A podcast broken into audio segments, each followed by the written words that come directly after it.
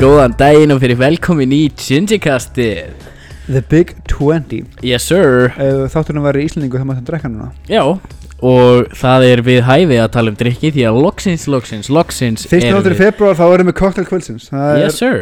Við vorum þurrir í janúar. Ég drakk bara bjór.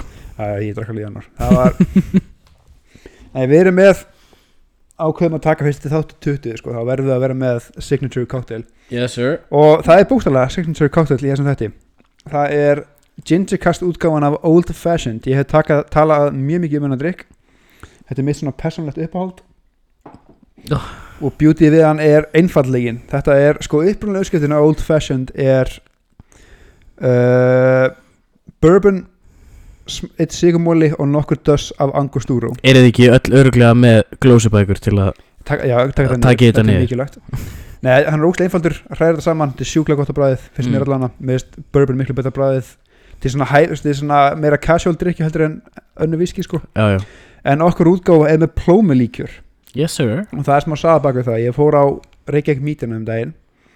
Og þeir eru með Old Fashioned Reykjavík Meets, uh, meets Old Fashioned og þá notaði plómusíróp Já og það var ógæslega gott. Og ég er búin að leita allstæðar að plómusírópi fann það hvergi. Mm. síðan randomly var ég að horfa á Expendables í gerkvöldi Expendables af öllu. Stórkúslega mynd. Sem bæði við, þetta spilar aðeins inn í það sem við erum að tala um þetta Já, en í þessari mynd sem er bæði við, þetta er hasar rung fram í rauðan döðan já, já í þessari mynd er ein ógeðslega alvarleg sena þar sem Sylvester Stallone er að tala við Mickey Rourke. Bæði við, Mhm. Mickey Rourke er sturlaði leikari. Hann er geggjaður leikari. Hann á engan rétt að vera svona góða leikari í þessari senu, í þessari mynd líka. Nei, ég veit það. En þá var hann að tala um eitthvað hvað var ógeðslega erfitt þegar hann var í stríðinu í Östur-Európu og hann minnist á Östur-Európskam líkjör eitthvað sem ég aldrei heitum, Slilowitz heita það. Hann ég googla það, þá er það plómu líkjör. Mm. og ég bara hóra, pyrru, ég mjönd að plómu og googli vínbúin, það var þetta ekki til. En ég man að eitt kóttelin sem ég notaði í jólakeppnin okkar í ömmugömlu, það er epla og perulíkjör Já. Hann ég googlaði bara ganni hvort að þessi, þetta saman merki væri með plómulíkjör og mm. veitum enn, þeir voru með plómulíkjör til í vínbúinni, Yes sir. Þannig ég fór þetta og kipti það og ákveði að bæta því út í. Þannig að Gingercast Old Fashionin er 50 til 80 millilitra bourbon bara eftir þörfum. Eftir áfengistarfu Já, nokkur dass af angustúró, ein teski sigur og svona, hvað var að segja, hálf til þrý fjórðu unsa af uh, plómu líkjör. Já Það verður aðeins sætur og drekkalegra svona í, Já, drekkanlegra fyrir, fyrir meðaljónið fyrir meðljón, nákvæmlega. En það er kóttil kvölds og vikunar, Já, á þannig að það er, það er gaman að gaman að vera Komin kominir aftur, í, kominir í hefðinar Komin aftur í glasið. Já, hérna Við erum með sem í gest í þettinum í dag, eða svona. Já, það er einhver, það situr hérna manneski hjá okkur þannig að þið heyrið einhver tíst þá er það hún Já, viltu Eh. uh, hæpa ykkur þetta? Hún, þetta er svo þetta snillíkur sem hannaði fyrir okkur uh, myndirnar, Já, hún gerir það artworkið. Já, hún gerir það svo sannlega og við erum Hún er henni það æfilega þakkláttir hún fyrir er það það mikill aðtandi hún vildi vera live Já. við, hérna, við Við erum með live studio audience Já, við erum með live studio talandi um live studio audience við ætlum að tala um þætti í þessum þætti BOOM! Þetta verður þátt að þáttur og við ætlum ég held að það er besta segway sem ég hef komið uh, Já, já, þú mátt eiga það. Hérna, já, við ætlum að tala um sjónvastætti í dag og svona uh, 20. þáttur skilur þetta þurfti að vera eitthvað spesiali við erum með það að vinna þættinu með að Já, þú veist, það, það kemur við þegar erum það ekki að kemur. vel inn í staðin Já, það kemur þegar það kemur. En sko Við getum byrjað þetta á alls konar vegu En ég held að sé mjög gott að byrja þetta bara á því að segja Ef við byrjum að því að gera fólki ekki þetta reitt Hvaða þætti hefur þú hort á? Sem fílaðir bara ekki Office. neitt ofmetnist, Office og Friends ofmetnist þættir í fokkin heiminu það er ekki skemmtilegt við það þetta er bara fyrir fólk sem vantar persónuleika horfur að þetta og kvótar þetta ég ætla bara að segja það sérstaklega Office, nei Friends sérstaklega ég get tolerate Office þetta er bara það er, svona, það er að fyndi móntina milli Friends er ekki að fyndi þetta. Elgamall, er glata þetta er fucking grow up, fyndi eitthvað annað. Mér vist Office alltaf leið sko. Um, það er bara ákveðna típur af Office aðdæðan sem ég fucking þól ekki. Já, já, og þessum pyrra mér að bróða minn að vera einn af þeim. Já, ég er búinn að sjá The Office bæði breska og í, í, sem sagt ameríska. Hvort vækja fínt sko. Mér veist Ricky Gervais bara svo skemmtilegur. Að sko, hann er ég skil, úst, ok, Office er nógu, nógu ungt en að gæsla til þess að geta ennþá horta það. Ég skil ekkert að Friends æði. Það er svo miklu skemmtileg gaman þetta til. Já, já, en þú veist horfa á fucking uh, Kim's Convenience Store eða Superstore eða þú veist okay, það, er, er nóg til, við komum inn á það. En hérna, ég ætla Sko, ég elska þið, Friends. Ég er mjög glæður að þetta væri for- fortíð. Já, þú veist Ef ég horfi á Friends þátt núna, sko, þá bara cringe ég pínu. Fyrsta lagi, út að ég get ekki laughing track. Já, ég sé, það er Ég get það ekki. Saman Það- Big Bang Theory, eftir með Laughing Track, þetta er ekki að fyndi þetta. Big Bang Theory er eitt af mínum þáttum sem ég ætla að nefna. Ég, ég, mér finnst þeir svo leð- Og leðileg sko, ég ætla samt að segja það, með Friends er uh, Big Bang líka. Ef þú ert með þetta sem background noise þegar þú tölunni eitthvað, fine. Þú veist, það er allir með eitthvað slúðis, mitt er uppistand þetta Friends.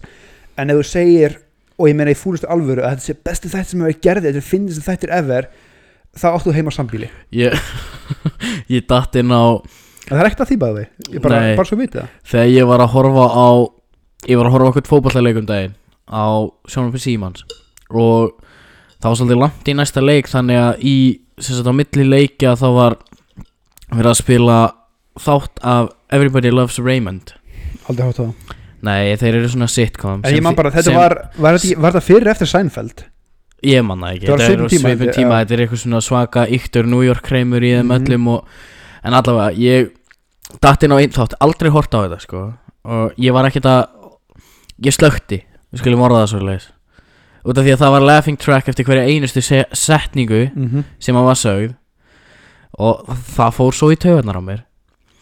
En sko Mér fannst Friends rosa skemmtilegt Þegar ég var yngri Þegar svona milli Sko frá nýjára þegar ég skildi ekki neitt Og þá til að ég var svona 15-16 ára.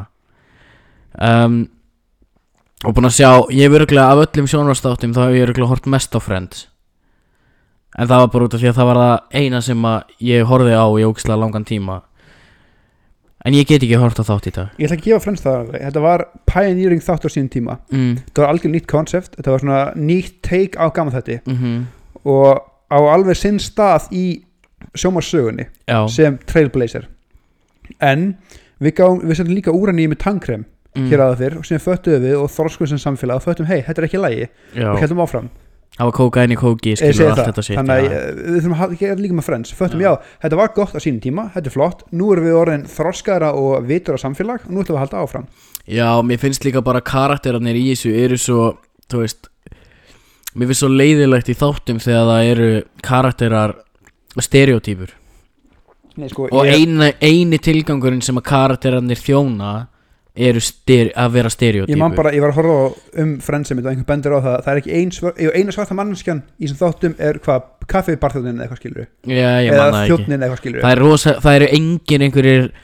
stórir karakterar í gegnum tíu seríur af Friends svartir. Ég er bara, ef við tölum um skilur representation af minnlítahópum, þá Mhm. er þetta ekki your champion sko. Nei og sko, það mesta sem ég hleyði við friends var þegar það tekið laughing trackið í burtu mm, og sínt hvað sem mikil fucking siðblindingi hann Ross er skilur, Já. þegar hann talar ekki með laughing trackið, en hann talar svo fjöldamóti mér varst það mjög fyndið. Ég, hvort þú hafi sendt mér þessa eitthvað. var, En hérna Það er Ég dottið inn á Þú veist Svo þarf maður ekki einu svona að tala um Þú veist þætti eins og Riverdale Og, og eitthvað Það sem er bara lélegt. Já, ég, samt Riverdale, þeir eru pretentious en samt einhvern veginn ótrúlega unpretentious. Þeir eru bara að skjóta einn nýs markað Já, og þeir bara halda sig þar. Já En þú veist Ég reyndi að byrja á Hún Birgitta vinkona mín Hún Í den horfði á þætti sem að hétu The 100 Og Ég reyndi að byrja á þeim. Ok, ég ætla að segja, segja Birgitta bara því, ég með okkur að setja það andlið þegar þú ert hérna, það veit ekki hvað þið er. Þú ert mesti YA sucker sem ég veit um í mínu lífi. Allt svona, já, þetta er venjulega stelpa en hún er sérstök af því að hún er sérstök. Og þú ert bara, oh my god, já. Af því ég er líka svolítið. Sko er, 100 er það ránt hjá mér eða? Nei. Ég Ég held að Varstu Ég- Hunger Games? Varst þú einhvern veginn í Divergent? Já. Að sjálfsögðu Þetta var sko Þú tókst alveg svaka Hún tók svaka 100 tímabil.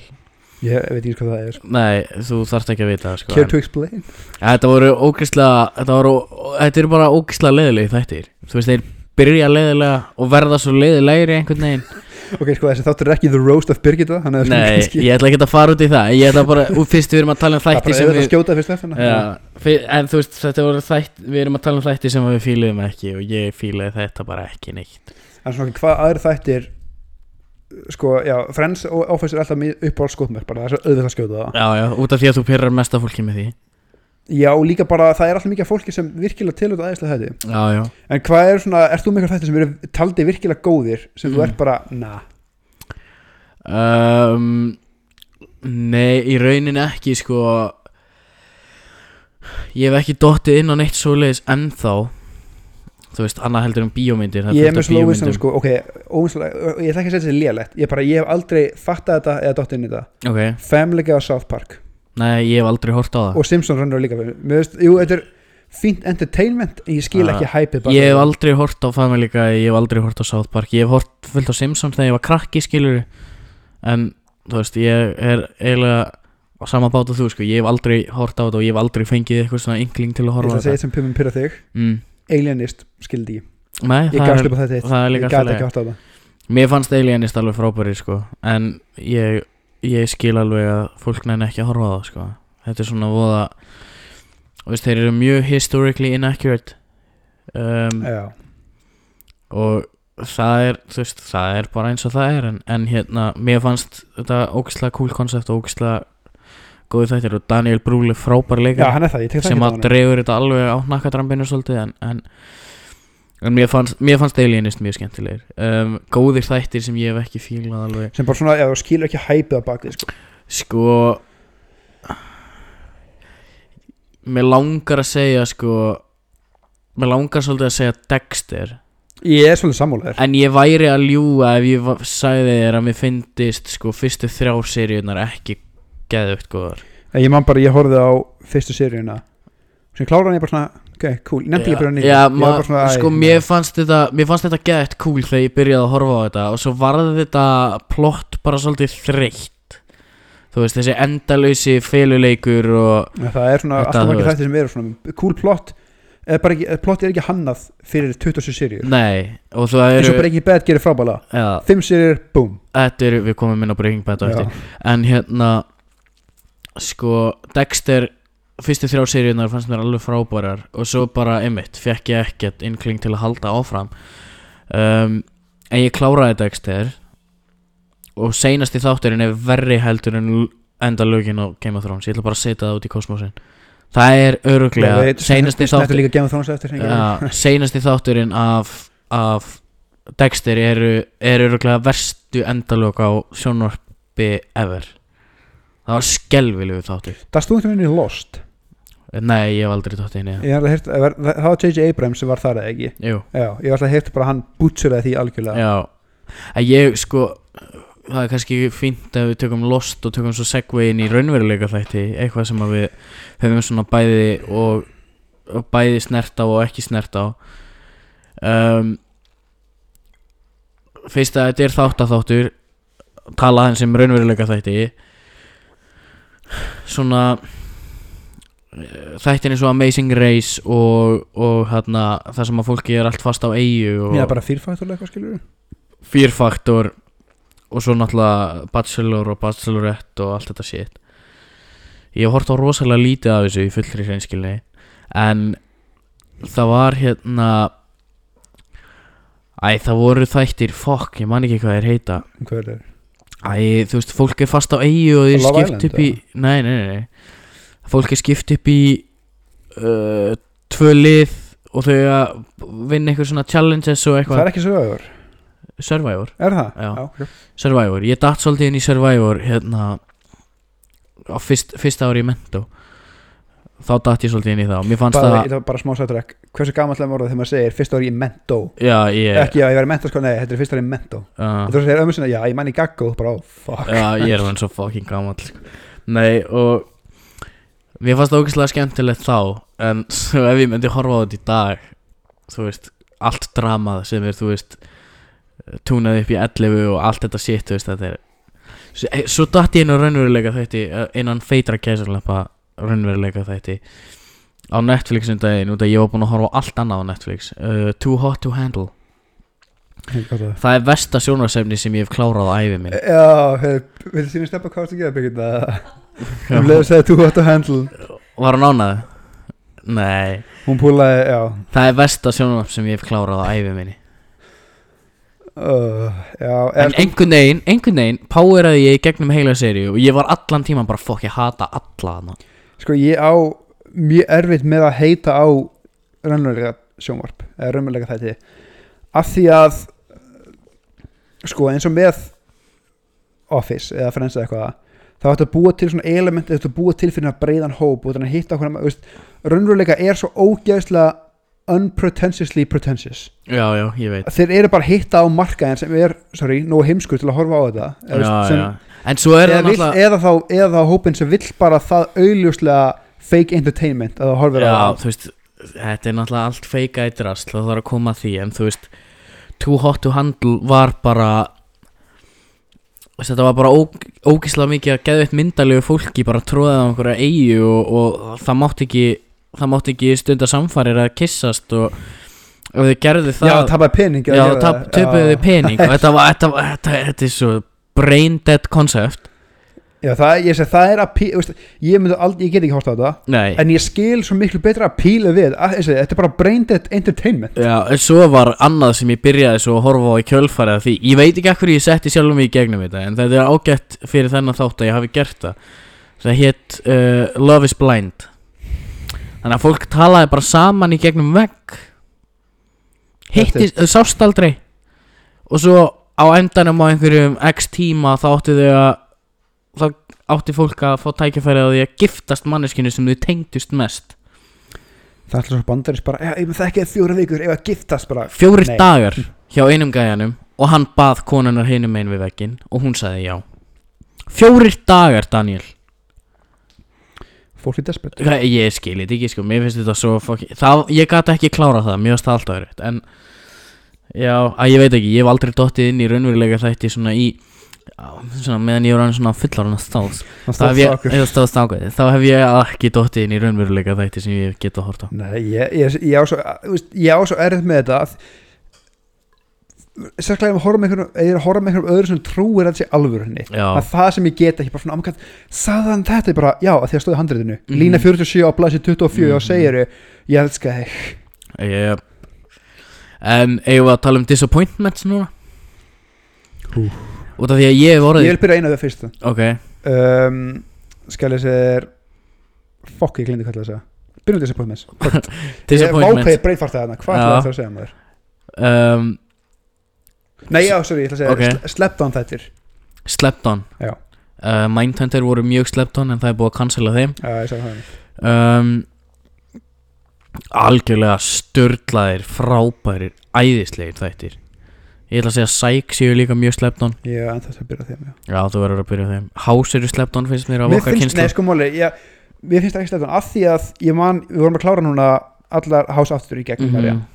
og það er svona loka þáttur sem er bara um productioni skil og fara í gegnum sögur að Hugh Laurie að einmitt Mhm. narrate skil og fara í gegnum þetta þetta voru stærstu þættirnir á sínum tíma. Já á sínum tíma en ég er að tala um sko fólk á okkar aldri já, já, veist. já, en við svona að því þeir eru á, veist, á þeim tíma voru þeir, ekki, voru þeir svo fucking stórir heldur mm. nýra þeir eftir smáball það er bara stundur svo leir já, þú veist, þeir voru svo stórir, mér finnst þeir ekki fallundi kategórina slept on. Þeir eru bara svona, já, við veitum ekki af þeim endilega. Nei, en ok. þessi allir sem hafa hort á þetta eru bara, þetta er geggjað já þetta eru geggjað og turkast er líka betur en þá eftir. Já, En ég ætla líka að segja um annað þátt sem töl líka betur um eftir. Ok. Westworld, þeir eru slept on. Þeir eru mjög slept on en ég held þeir séu slept on sérstaklega hérna heima út af því að þeir eru á HBO já, getur þeir, já. Út af því að þú veist það er rosalega erfitt að fá HBO þætti hérna fyrir fólk sem að getur, kann ekki að downloada ólöglega ég kann ekki að VPN já, eða kann ekki á VPN að þá er rosalega erfitt hérna heima að horfa á HBO exclusive þætti. Nei, við erum HBO uh, bara Amazon Prime HBO pakkan. Þetta er mest að haks í heiminu sko. Já. En hérna ég slept on þú veist mér er svo dónalegt að segja að einhverju þættir sem eru Netflix production séu slept on af því að þeir eru augljóslega ekki slept on. Það er kvart miljón notanda á Netflix skilur kvart miljón Kvart milljón. 250 úst Nei, hva, uh, 250 miljónir það er ekki snart Ísland Já, þetta aðeins fyrir ekki, 250 miljón Ja. notendur á Netflix. Kvart biljón eða kvart Hva, miljóður hva, Hvart miljóri já. 250 miljón notendur. Já, það sem þýr ekkert endilega allir Nei, hitti en það góða sko. en Netflix eru svo ógeðslega góðir í auglýsingaherferðum. Já, true. Á Netflix sjálfu að þegar þeir voru að byrja með Mindhunter og þetta shit skilur við þá er þessu tróðið onni kokjaður þangað til þú ítir á play? Essentially. Mm. en sem ég elskar að Netflix er þeir eru svo mikið uppstöndum þeir gera svo mikið Netflix original elska þeir eru með bara ógeðslega mikið af sniðu drastli og við tölum kannski aðeins um, um documentaries á eftir. Já, en sleppnón þættir þú veist uh, ég veit ekki, það er voða lítið sem að kemur upp í já hausinu ég ætla- vil bara henda sinni svona bara eina milli sko. Better Call Saul eru svolítið sleppnón finnst mér út af þú veist, ég það er ógeðslega margir sem að þú veist horfa á Breaking Bad og sleppa svo Better Call Saul. Já, ef þú hefur hort á Breaking Bad og við tölum meir um Breaking Bad á eftir þá mæli ég eindreið með Better Call Saul. Sko Slept On versus uh, svona Nostalgic Value Burn Notice. Já, þeir eru svo ógeðslega asnanleir og svo frábæra saman tíma. Þetta er svona bara snildar spy thriller entertainment. Já, já, svona Bond, James Bond eða var frá Florida já. það er bara þessi þetta en mér finnst sko allir ætti að horfa á Psych því að það er bara það eru finnustu þættir sem ég hef séð á æfum minni.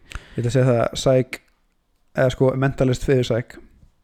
Mentalisti fyrir Psych og Psych referensar oft mentalist í. Psych. Og eru gett sárir ef einhver er að dissa mentalist til dæmis í Psych? Er ekki, er ekki að segja, er ekki Sipa Concept sem verður gæði sem er svona jú. það er bara, veist, þetta er það bara grín með þeirri þá er Mentalist miklu. Já, já, ok. Þú veist, þetta eru þetta er eins og uh, þetta er eins og hérna uh, Dreamworks og Disney með Megamind og og og já, Despicable Me. Despicable Me. Bæði, fyrst og þessum topiki hvor Despicable Me eða Megamind Megamind, Megamind, allan daginn þetta grínum spurning. miklu betri.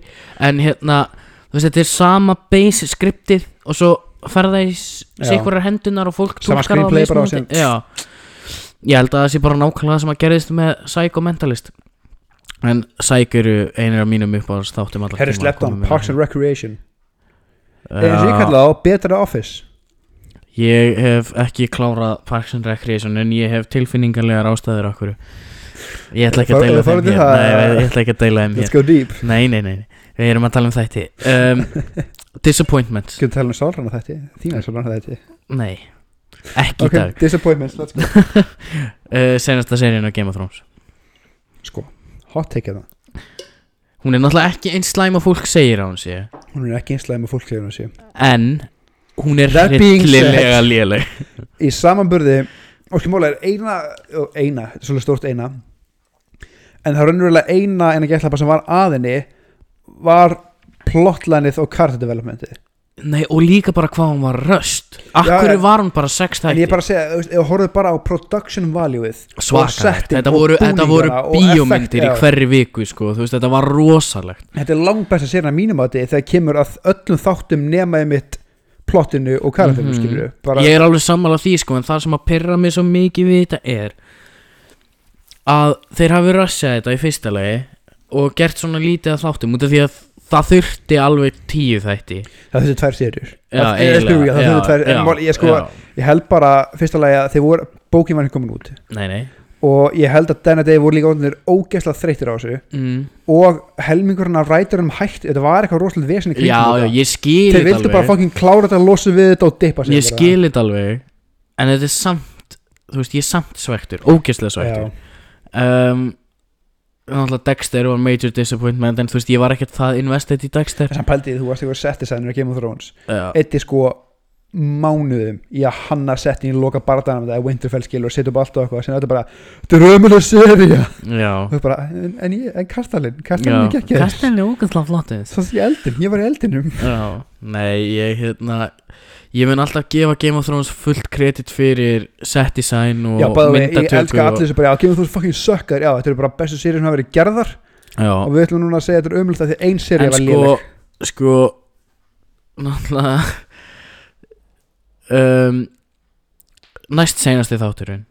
Við þurfum ekki að fara til plotline eða neitt Nei. En Sko myndatakan í þættinum er sturgl það er allt styrlaði settin nefnilega Þú veist, allt production value er upp á tíu. Plotline leikarnir, mér finnst leikarnir líka flotti sko. Ógislega vel leikið. Um, en plotlineið var ömulegt það er bara svo leis um, það eru mjög margir sem að segja sko eftir að áttunda seria kom út sko að sjönda seria er ömuleg líka. Ég er mjög ósamála því. Sjötta og sjönda, sorry. Eða sko allan að fint og sjötta eru best seríunar í seríunni. Fjórða er uppbólserja mín. Alveg um, fint og sjötta. Besti þátturinn er í Best besti besti þátturinn er í fjórðu seri Hard? Home.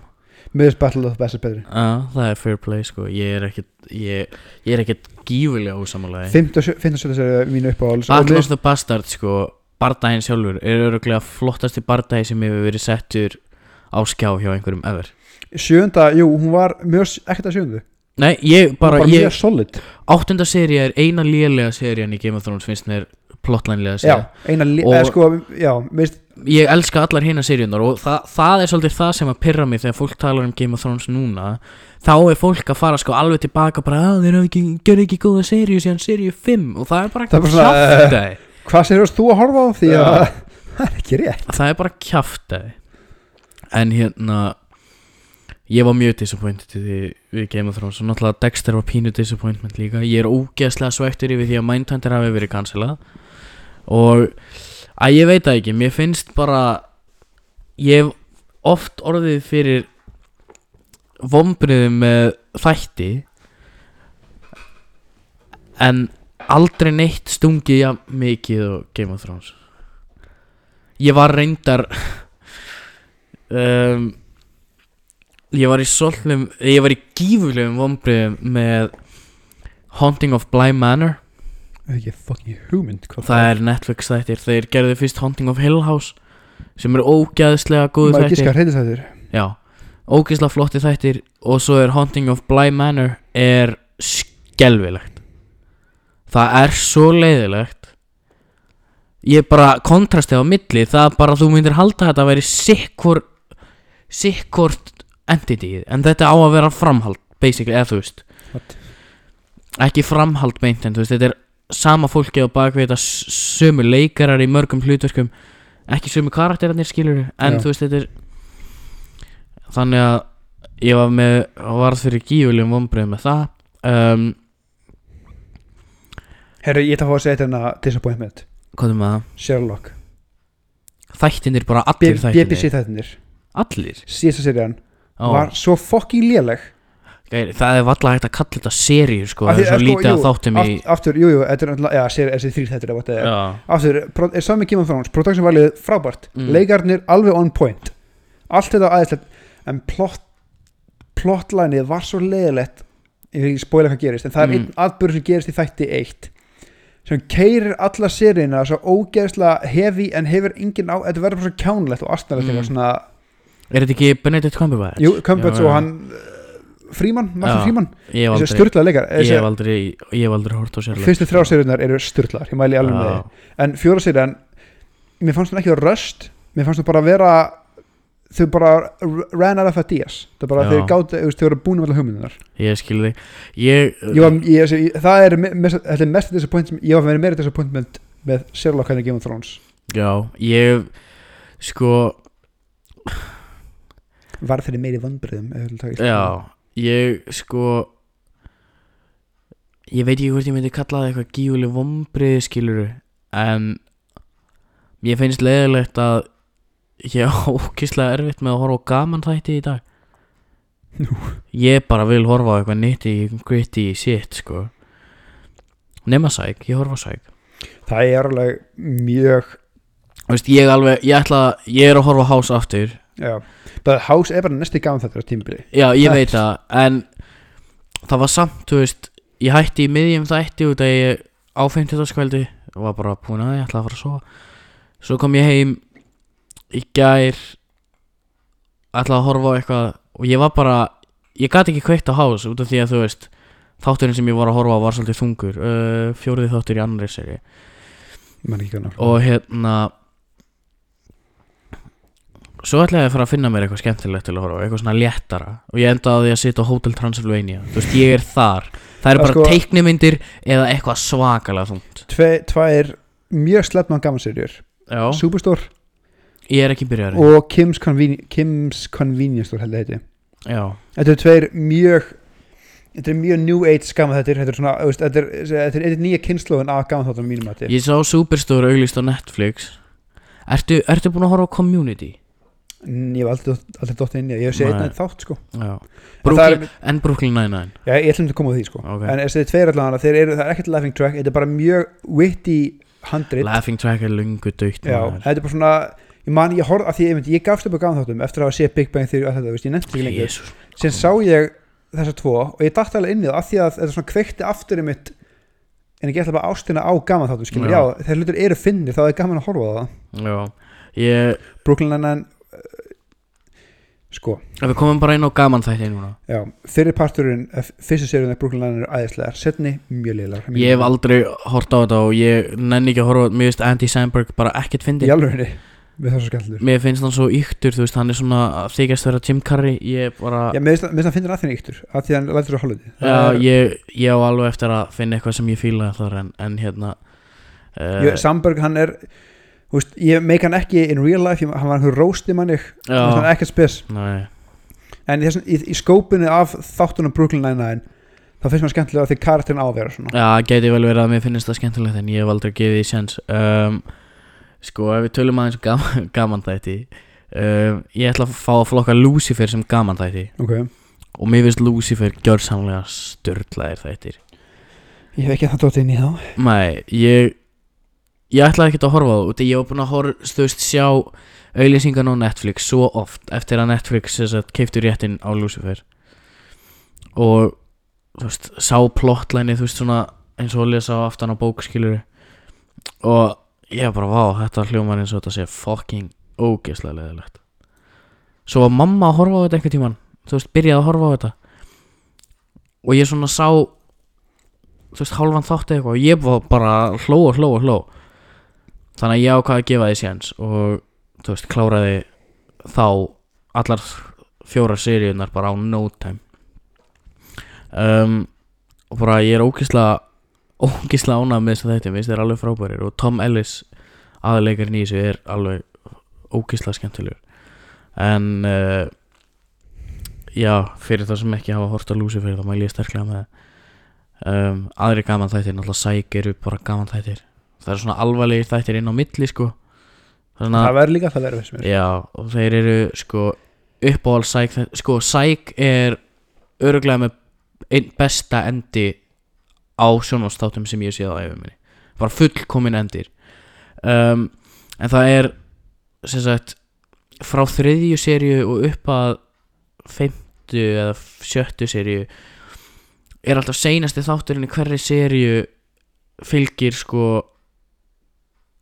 uh, þetta er svo svona löggu þættir fylgir einum morðingja skilur og það er þú veist þú veist þetta er svona það eru alvarlegu þættinir skilur seinustu þættinir í seríunum. Já.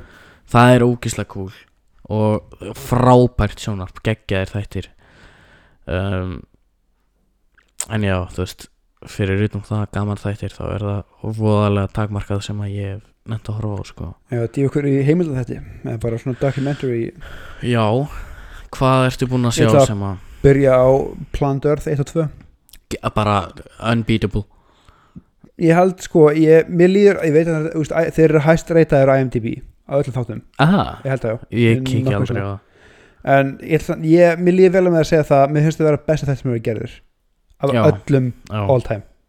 Af því að mitt ég er bara 100% samanlega metnaðurinn sem þeir fucking leggja í þetta já. er insane. Nei, hefur og, hort á, þú veist, alltaf, það er alltaf síðast, þú veist, næst, þú veist, svona ekstra já, um gerðina þáttunum. Já. þetta er nuts. Nei, og production value í þessu Við fyrst vorum að tala um production value með Game of Thrones aðan Sko, að ná þessum myndböndum eða þú veist, að ná þessum skotum sem þeir eru að ná þetta er bara, já, hörru, við byggðum í fjóra vikur í Namibíu í einu til að ná mynda flugum. Já. og, og, og, og svo náttúrulega David Attenborough. Ég sko, ég geti rugga mér í þess, sko. Þetta er bara, er- þú veist, þetta er bara störlun Ég er alveg samanlegur, ég held að Planet Earth 1 og 2 og Blue Planet, Já. ofan á það eru best gerðu þættir fyrir Margar allra Fríman þá er það til betur rödd að narrata en hann bara Nei, ekki séns. Nei, bara, þetta er sko, einmitt, já við fundum upp hérna nýja gerð á dróna gimbaleita sem flýgur sko öfugt sólarhingin til svona mynda sem apa hérna í söður fucking Indonesia, bara, Mhm. já, einmitt. Já, Og- þetta, þetta tók bara fjögur ár og kostaði 25 miljón dólar á skilur allt fyrir myndina. Þú veist, þetta er, þetta er svo styrla og ma- ég fæ bara gæsa það að tala um þetta sko, mér finnst Ok, þetta svo- flott. Bara skorið í Plandur 2 já, upp á skorið Guð, sko, langar, sl- bara- mér langar að ber, fara í stríð þegar ég fyrst, það fyrst þegar ég heyrði þetta þá var ég bara, wow, er þetta John Williams eða hvað, er hver skoraði þetta? Já, svo náttúrulega Hans Zimmer er að taka við hvað kallar maður, kindlinum? Taka við kindlinum af, Þetta er, af er John Hans Williams Zimmer og Ramin Javadi sem gerir Game of Thrones og Westworld introið. Já, og Hans Zimmer gerði Dark Knight. Ég segi það, þetta er þeir tveir saman. Og ég, segi- ég þetta intro og ég er bara uh, Hans Zimmer er störlaður ég kompósir ég er að fara að bjarga úr plánundunni bara Já. þegar ég heyri þetta, þetta er, já. Og Blue Planet er, er svona ekki alveg jafn gott sko en það er alveg jafn interesting þú veist Já. að tala um hafið. En, en og þetta er alltaf svona, maður er svona plandur upp bara, að já, ég ætla, ég ætla að setja á bara minni í tölvinni, bara í bakgrunn, setja fjóra mínútur eftir bara, byrju, hvað, hvernig náðu apinn að hoppa þarna eða, what the Já. fuck maður, hvernig og ég, með, ég sko ég hef einmitt gert nákvæmlega þetta s- sett á Planet Earth 1 og þú veist verið, að, ho- verið eitthvað svona já ég ætla bara þú veist, ég ætla að hafa þetta þannig á meðan ég er að spila fútbolmanager svo er ég ekki búin að spila fútbolmanager í klukkutíma það er skilur eitthvað þess að þætti sem kveikir í innra barninu í þér já. sem er bara, þeir langa bara, þeir eru gaman bara, að læra vá er hvað hann getur er hlaupið það já, þetta er svo fallega skotið þetta er Já. svo, út að læra hvernig, þetta er svona, já, þetta er náttúrulega besta, besta, besta cinematography bara ever. Þetta er bara, ég elska planetur þetta er þetta er bara, já, myndaðilega svona pannarið vatn sem verður onni og síðan 100 myndur loft og bara, Já. hvernig? En ef við hættum aðeins Planet Earth runginu Runginu, já. og höldum áfram í docu-series. Uh, Last Dance, geggjaðir þættir er ógeðslega flottir þættir en fokk hvað Michael Jordan er körfubolta? egomaniac maður já, það líka, já En ég er bara, ég er, maður er að horfa fyrst skipti sko, Já. hún er ístofræði og bara sjá hlutina sem gæinn gerir, við erum bæði bara hvernig, hvernig í fokkanum, hvernig er þetta á loftinu farðu niður. LeBron James er samt betri í körfubolta en alltaf ég var, hérna, ég, var, var sko umræðum þetta að hver myndi vinna skilur Lebron leikast eða Bulls og það segir bara, ef það er reglunar í dag þá vinna Lebron liðið. Ef þetta spila þú spila 91 þá verður Lebron flengt sko Dennis Rodman og Scottie Pippen er ekkert leiðilegt lið að hafa í kringu í árið 1995 sko. Ég segi, ef þetta eru reglunar frá tíundu áratögnum Já. þá, með saman hvaða lið þú setur frá nútímanum, þeir verða barður í stöppu. Gauðir, þeir eru samt sko þetta dokumentari er líka bara svo ógislega flott og viðtölinn sem þeir taka og það sem þeir að segja og ég hef aldrei verið eitthvað geðut hrifin að körfubólta en ég var gjörsamlega enchanted af þessu. Já, ég hef aldrei fyrst með þessu, ég Nei. bara what, og líka þáttur með Kobe Já, þess að hann bara, já, þú, þú getur ekki sagt hver myndi vinna, af því að ég er ekki hérna án Michael Jordan skilur Nei, það sem að mér fannst svo geggja var þegar þeir töluðu um Kobe, rest in peace mhm. hérna að Kobe var að spila við Jordan. Já, í veist. All-Star leiknum. Já, já, og allan leikin var Jordan að gefa honum eitthvað svona pointers og hjálpa honum Mhm. eitthvað, þú veist, og þeir voru á móti hver öðrum. Og hann sagði bara, ef þið vantar eitthvað, heyrið mér. Já, og Kobe hefur nýtt það gífurlega vel. Um, og að öðrum þáttum í þessari mynd uh, The Defiant ég ætla að Ones setja Defiant Ones ég get hort á það aftur og aftur og aftur. þetta verður aldrei veðilegt Ég líka, það er geggja þetta er svo cool kontrast, einhver gæi einhver Ítali í New York og kom, þetta er hinum inn á nettinum algjörlega mismundu upbringings Já. já. þetta er svo það er bara styrla mæli sterklega með, en svo er náttúrulega allt önnur víta á þessu öllu sem að ég elska. Crime documentaries. Um, ég get, eða sko ok, Ted Bundy tapes Já, ég get hort á þá aftur og aftur líka. Ég líka. Það er eitthvað sem ég get, En það, ég hef hort á eitthvað loka, loka senuna í þeim þáttum. Ég Sturlaðir hef hort á senuna. það styrlaði þetta þegar verið að dæma þarna og dómar segir bara, sind, ég hef vilja hafa þig Já, hérna þú hefðir geta, þú hefðir geta verið lögfræðingur í salnum. Já, ég hef vilja hafa þessu lögfræðin kæta skilur Mhm. þetta er algjör synd. Og hann, þeir eru að tala um, og voice over í lokin þeir eru Mhm. svona að panna yfir fjöllin sem að gróðu líki sín. Mm -hmm. Og þeir að segja bara já, hann átti besta tímanu sín hérna. Það fundust líka 14 lík var svona, Já, var já ég elska serial killer documentaries Ég elska allt, allt crime. En ég horfði um daginn á Jeffrey Epstein, Filthy Rich. Ég Ég varð svo reyður að horfa á þetta. Út af hvernig þessi maður var. Og ég átti erfitt með að klára þetta En ég gerði það nú samt. Um, Mjög góði þættir, mjög gott production value og allt það. Um, það voru góðu þættir. Náttúrulega Ted Bundy tapes getum við hægt sem samfélag að glorifæða fjöldamorðingja ég held að sé ekkert vera að glorify það Ég ég held að þetta sé bara eitthvað svona carnal fascination að þú veist þetta er einhver manneskja sem er að gera hluti sem að eru svo gjörsamlega út úr vítinni hjá manni sjálfum og að fræðast um svona lið og þeirra gjörðir og þeirra, og þeirra psyche skiluru er bara ógislega En að fá, fascinating. fá Zac Efron til að leika þetta Bundy. Mér fannst það náttúrulega Hann er ekki svona heitur. Nei, mér fannst það stelpur bara, gjörs- oh mér- fannst það gjörsamlega ógeðslegt. Já, bara, en Fyrst þið hótt alltaf kirkjaði og grafaði í fjallinu? Því En- að um, Fucking go for it þá ég ætla að fá að segja það. Zac Efron lék þetta mjög vel Sjálfsveika þetta vel. Já, En það að það heit Ég ég, ég Ég hvort hefði að svo þessi fjöldamorðingja Já, langar að deyja líka. Ég skil hvort að segja og ég er ekki ósamanleysu en ég held að þetta glorification sem að þú talar um sé sko það er náttúrulega einhver partur af einhverju geðviki líka sko. En eins og fyrir mig sjálfan ég horfi mikið á þetta og mér finnst gaman að fræðast um ógeðslegar manneskjur. Bara lesa eða, eða horfa á myndir eða þætti eða YouTube-vídeó um lið sem hefur gert hræðilega hluti. Ekki út af því að mér finnst hræðilegu hlutinir sem frábærir heldur út af því að mér finnst svo gaman að hugsa eða þú veist pæli í því hvað er á bakvið svona mannveru? Hvað er á bakvið mannesku sem getur myrt 36 manns skilur hvað er að? Já. Og svo eins og með svo eru komin nýjir þættir um hérna Night Stalker sem að uh, ég ætla ekki að segja nafnið hans hann á ekki skilið að vera nafngreindur en það er nafnið á þáttunum á Netflix. Hann var bara ógæslegur skilur brust inn á random heimili og draf bara gjörsamlega randomly. Svo þegar hann var náð það er svo mikið satisfaction og honum var náð svona vigilante way sko. Þú veist það var bara hann var að flýja frá löggunni eitthvað og það var bara eitthvað hverfið eða eitthvað svona blokk sem að tók sér bara saman og barða hann í stöppu og stoppuð hann. Um, veist þetta er alveg valid point sem þú ert að koma með. En ég held að glorificationið sé ekki til staðar nema bara hjá einhverjum brengluðum einstaklingum. En ég held að ástæðan fyrir því að svona mikið af fólki er svona rosalega fascinated er út af því að þetta er svo gjörsamlega út úr allri vít sem þú getur sjálfur pælt í. Þú veist þetta er þetta eru manneskjur sem að taka ákvarðanir um að drepa annað fólk aftur og aftur og aftur og aftur.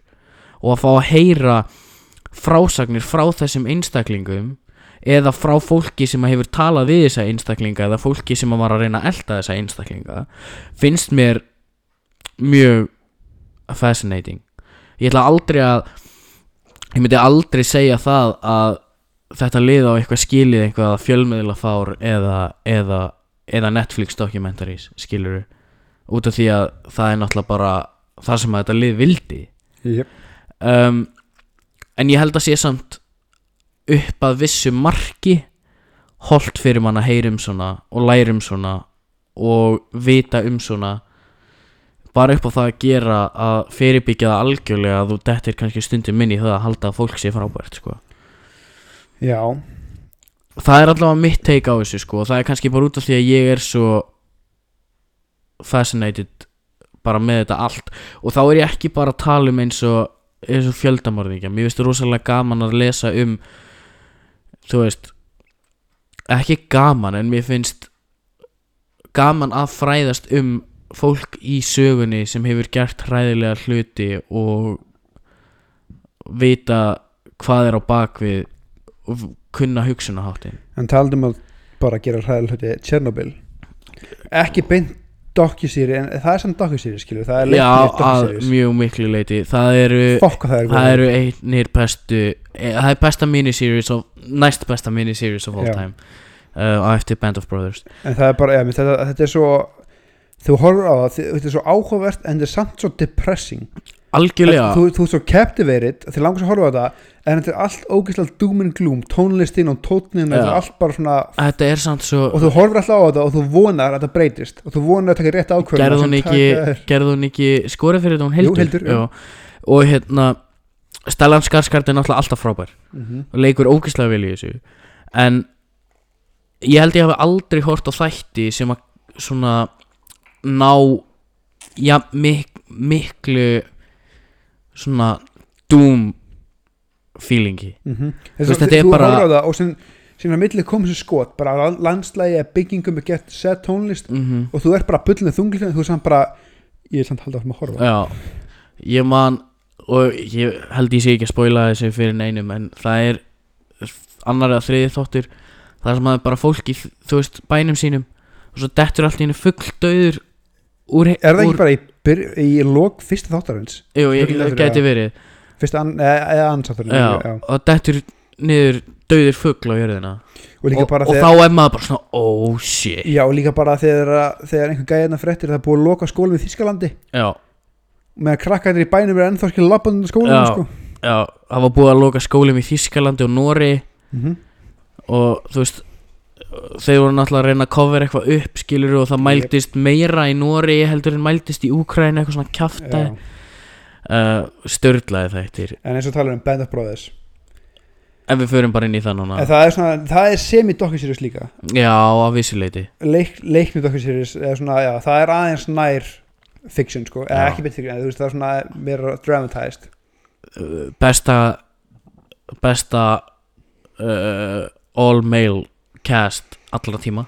Þetta, þetta er, sko, ég, það er líka þetta sem ég get hort á aftur og aftur. Já. þeir eru svo ógeðslega góðir. Þetta er, bara, þetta er, þetta er besta samansap af leikurum sem ég séð. Þú veist, kallkins leikurum. Bara svona ensemble, já. Já, þetta er bara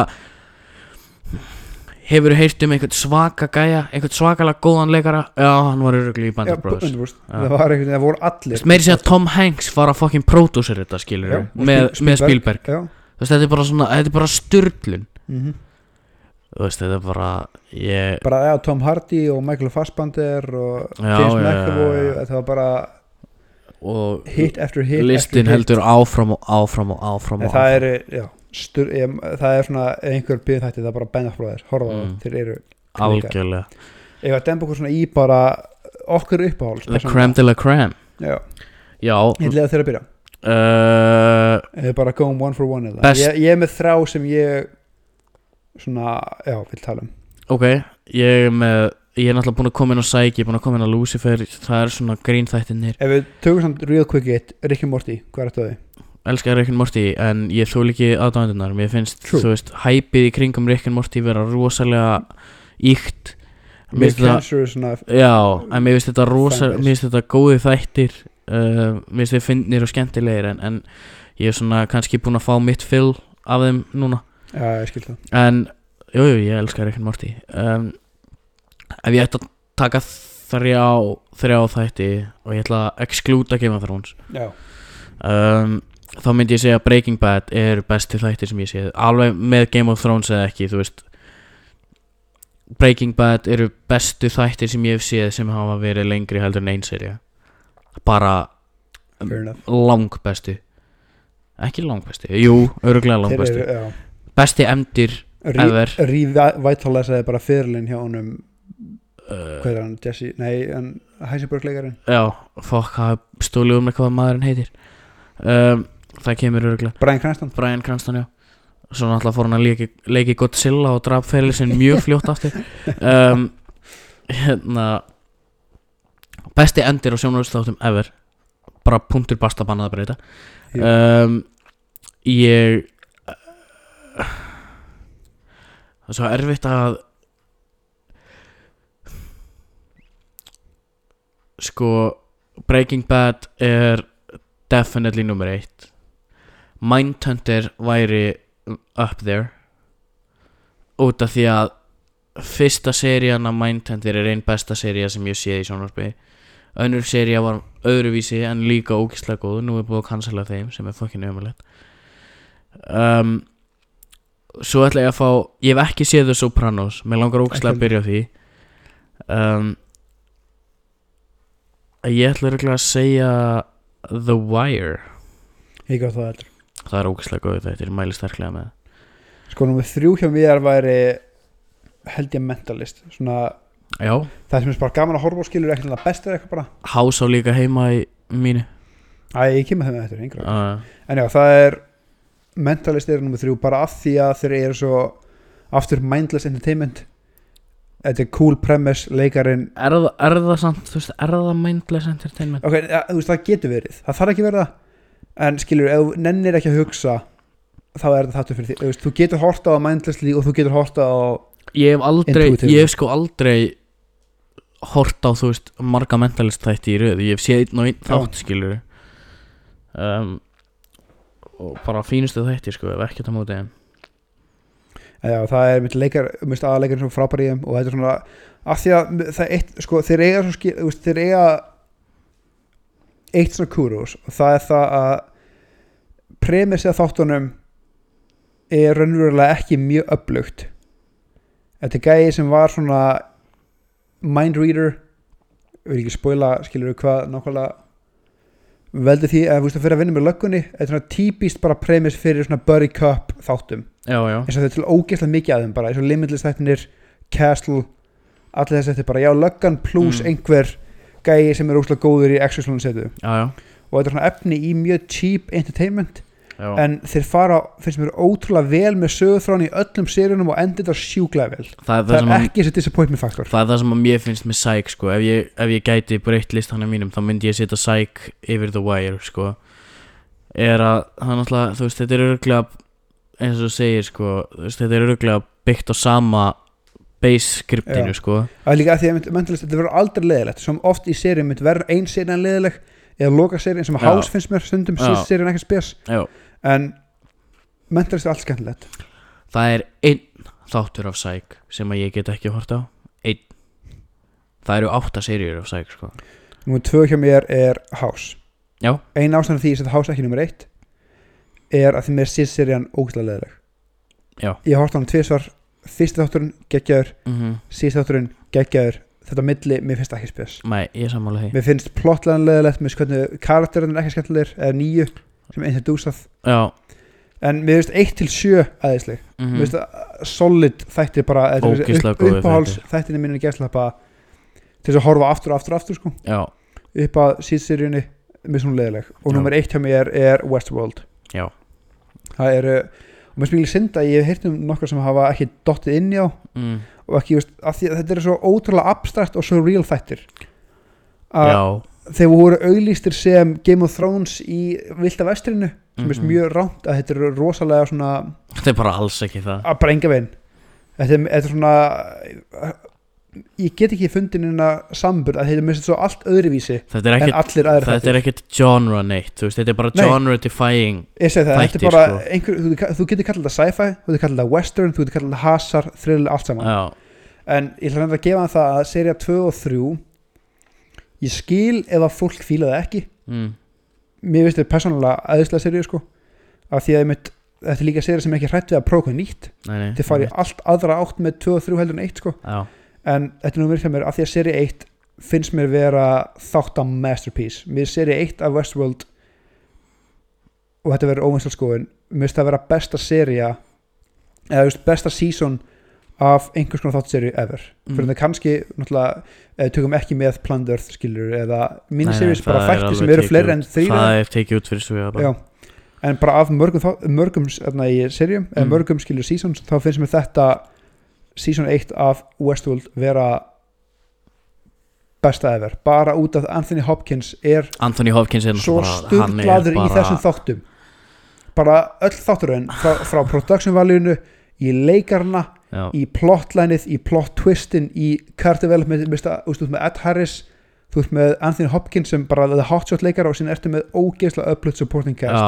Seri 1 er bara fullkomin Já, ég ég, sko, ég get eiginlega ekki sett það í orð til dæmis eins og með Breaking Bad, sko. Það er aldrei í Breaking Bad, það er aldrei dull moment. Nei, mitt. þú hefur ekki hort á Nei, allt Breaking ekki, Bad? ekki allt, nei. Nei. Um, og það sem að mér það sem að mér finnst rosalega einstakt við Breaking Bad er spennan sem þeir halda upp í gegnum þetta allt. Allar seríunar, allar fimm. Mm líka það að þeir hættu á réttum tíma. Það er svo ógeðslega mikilvægt seinasta serían af Breaking Bad er bara störlun bara frá A til U, bara geðveik sería. Og sko það er einhvern veginn sko Bryan Cranston er stórkostlegur í þessu hlutverki. Og ég bara það er svo erfitt að lýsa því fyrir fólk til dæmi sem hefur ekki séð Breaking Bad hvaða er sem að gera það svo spes? Og það sem að mér finnst gera það svo spes er andrumsloftið einhvern veginn. Það er náttúrulega ógeðslega cool plotline í þessu skilur það vita allir plotline skilur kennari sem fær krabba megin og Mhm. ákveður að búa til crystal meth og selja það. Og en að þetta er bara svo miklu meir en það út frá sko öll svona twist og allt sem að gerist í þáttunum hefur tilgang. Það er allt allt sem gerist í öllum þáttunum er build up fyrir senasta þáttin skilur mm og þeir gera þetta svo fullkomlega. Það er fullkomið pacing, það er aldrei leiðilegt moment. Ég hef heyrt það hjá rosalega mörgum að fólk hefur byrjað að Breaking Bad og ekki nefnt að halda áfram og ég skil það svo sem alveg þegar þú ert búin að horfa fyrstu út af því að þegar þú hefur ekki séð Breaking Bad þá er fyrstu fjóri þættinir svolítið lengi af stað skilur þetta er svona slow burn. Þegar þú er búin að sjá Breaking Bad allt í gegn og horfir svo aftur á það og byrjar á fyrstu fjórum þáttunum þá ertu að pikka út svona shit sem þú serð þá eftir að hafa hort á allt saman og bara já, já, einmitt, ok, geggjað production valueið þarf ekki einu svona að vera gott. En það er það, stórkostlegt. Allir supporting leikarannir allir innan á vondukallanir og það er engin góður kall í þessu. Nema einn. Um, og þetta er einhvern veginn sko náttúrulega Jesse Pinkman er stórkostlegu karakter. Og það sem að mér finnst gera karakterina í Breaking Bad öruglega bestu karaktera sem að ég hef síð í sjónvarpi eru hvað þeir eru gallaðir. Sko manneskjöndar sem þeir eru að leika. Jesse Pinkman er ógislega gallaður. Domgreindin hans er fokk. bara leikarsleikur eins og aðeinslu svo, bara sem by the way Tyen, leikur í serið þrjú á Westworld. Já, það er, já, en hann hérna skemmtilegt symmetry hérna. Walter White er ógeðslega klár gæi en hann, domgreindin hans er líka gjörsamlega farin út um klukkan og það er bara allir karakterannir í þessu eru með reisastóra galla, persónulega galla. Og það er svolítið eitthvað sem fólk náttúrulega, þú veist þetta er náttúrulega gert viljandi svo fólk tengi við karakterana á einn eða annan hátt. Mm en já, bara bestu þættir sem ég sé. Já, ég er bara að því þú segir einmitt þannig að þú, veist, ef þú fólk nennir ekki fyrst þáttunum eitthvað að skilja það að mér líður eins með einmitt með Westworld af því að ég veit alveg að þetta er ekki þætti fyrir alla. Þetta er anstæðan við mindless entertainment. Já, þú verður að fylgjast með öllu sem gerist og verður að fylgjast með mjög þungu dialogi sem gerist mjög hratt til þess að vita hvað er að gerast. Breaking Bad er náttúrulega svolítið líka sko, þú verður að fylgjast með, þú getur ekki verið að skróla Facebook Nei, nákvæmlega, þú verður að fylgjast með öllu en Bad. það er einmitt að því að að því Westworld er rosalega svona philosophy heavy. Mhm. mjög mikið hugmyndafræði og alls konar heimsbyggi pælingum í þessu ég veist ég svo marga þætti reyna að gera þetta. Þetta þema með úst, hvað er við, úst, hvað er consciousness og skilur hvað, Já, já. hver er munun af vélmenn og mann allt þetta dæmi og feila svo mis, þetta verður bara svona pretentious. Já, já, þetta lúk bara svona fake þetta er bara svona wow við erum reyna að vera svo djúb en af því þetta er svo velskrifað og þú ert með Anthony Hopkins og þú ert með skilur þá verður þetta bara svona þú ferður virkilega að pæla bara já fuck hvað er raunverulega Sko Mindhunter til dæmis er eitthvað svona sem að mér finnst rosalega skemmtilegt. Það er náttúrulega þetta serial killer concept sem ég að halda, sem er náttúrulega áframhalda af því sem við töluðum um áðan. Er að það er ekkert í fyrstu seríun á Mindhunter sem að fekk mig nokkur sinni til að hugsa Æ, hvert ætlaði að fara með þetta? Eða æ, hvað er í gangi, veist, þetta var bara þetta var svo óbóðslega vel sett upp, náttúrulega David Fincher er að leikstýra þessu svo.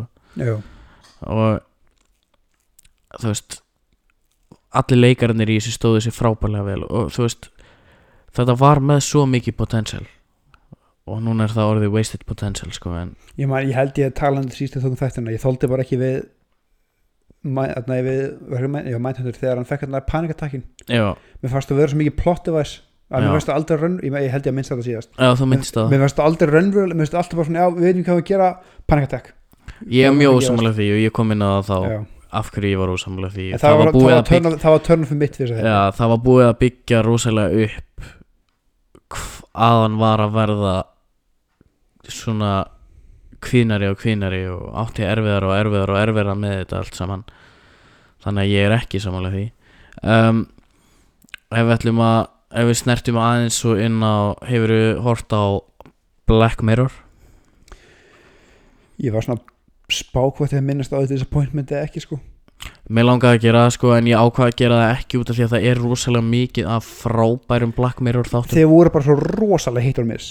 Ég er alveg annarkoð voru sammála þeir því störtlaðir eða bara, nei, hvað er það Gæri, fyrsti þátturinn er alveg skelvilegur nei, fyr- fyrst áttunum, það er ekki þegar hann er að ríða svíð Jú, jú. Mér finnst það geggjaður, hvað meinar þú? Gæri, ég var ég, að það var svo mikið bara what the fuck faktor ég veit það en what the fuck faktorinn fór hann overloadaðist sko hjá mér mér það, þáttur enda ég bara, hvað er fokkanum? var ég að horfa á? Já, það var alveg sama hjá mér en ekki svona, vá, hvað var ég að horfa á? Það var með svona, oh, hvað var ég að horfa á?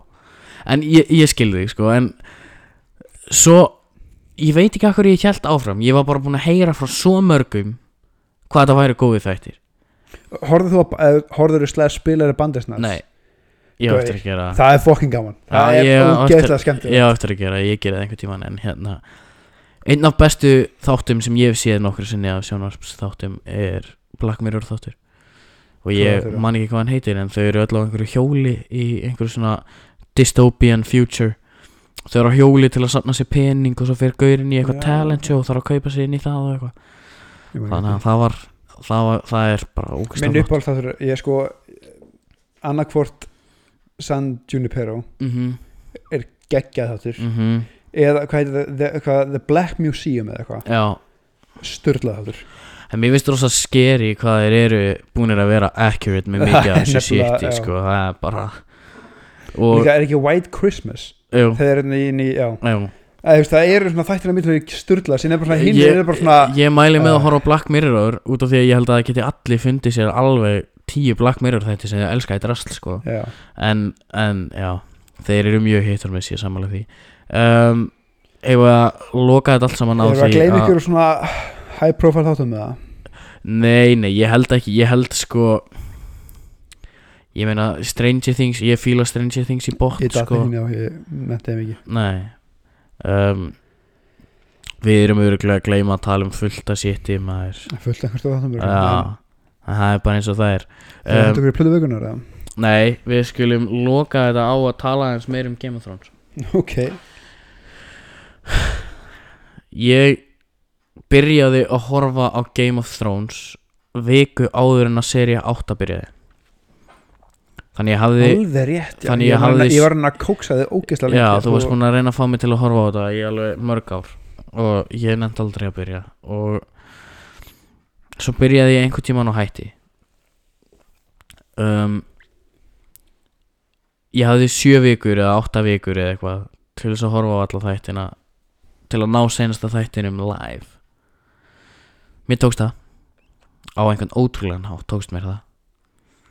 Og ég fæ þennan tíma aldrei tilbaka en ég er mjög ánæður að hafa eitt þessum tíma. Út af því að fyrstu sjö seríunar eru gjörsamlega frábæri þetta er bara annað uh, vel gerð þætti sko. talandi um þætti sem eru ekki lengi að byrja sem eru lengi að byrja þá eru Game of Thrones það ekki. Nei, guð minn, almáttur það er bara Eh, hendur beint í actioni í fyrsta þetta já.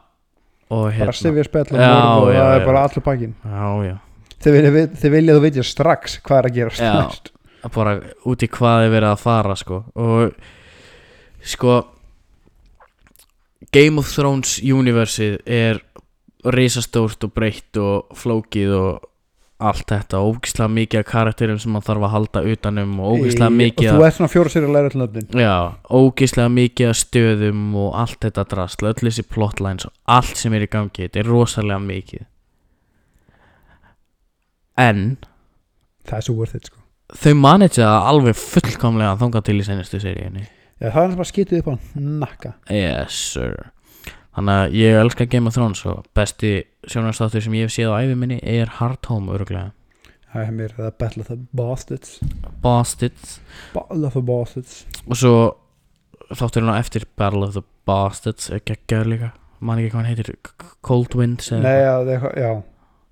Fuck. Winter Winter. Winds of Winter. Geggjaður þáttur líka. Yep. mjög sorglegur sann. Um, já, við elskum Game of Thrones. Plata vikunar Ég er ekki með, vilt þú byrja? Ég þarf að finna, finna mínu sko. Uh, já, ég er með plötu. svo- ég ætla að henda í Plastic Beach með Gorillaz. Hvað í bokka? Ja. það er plata vikunar í búðum mín. Mæli sterklega með. Allir elska Gorillaz. Vissir að Damon Albarn er íslenskur ríkisborgari? Það veist ég ekki. Nei.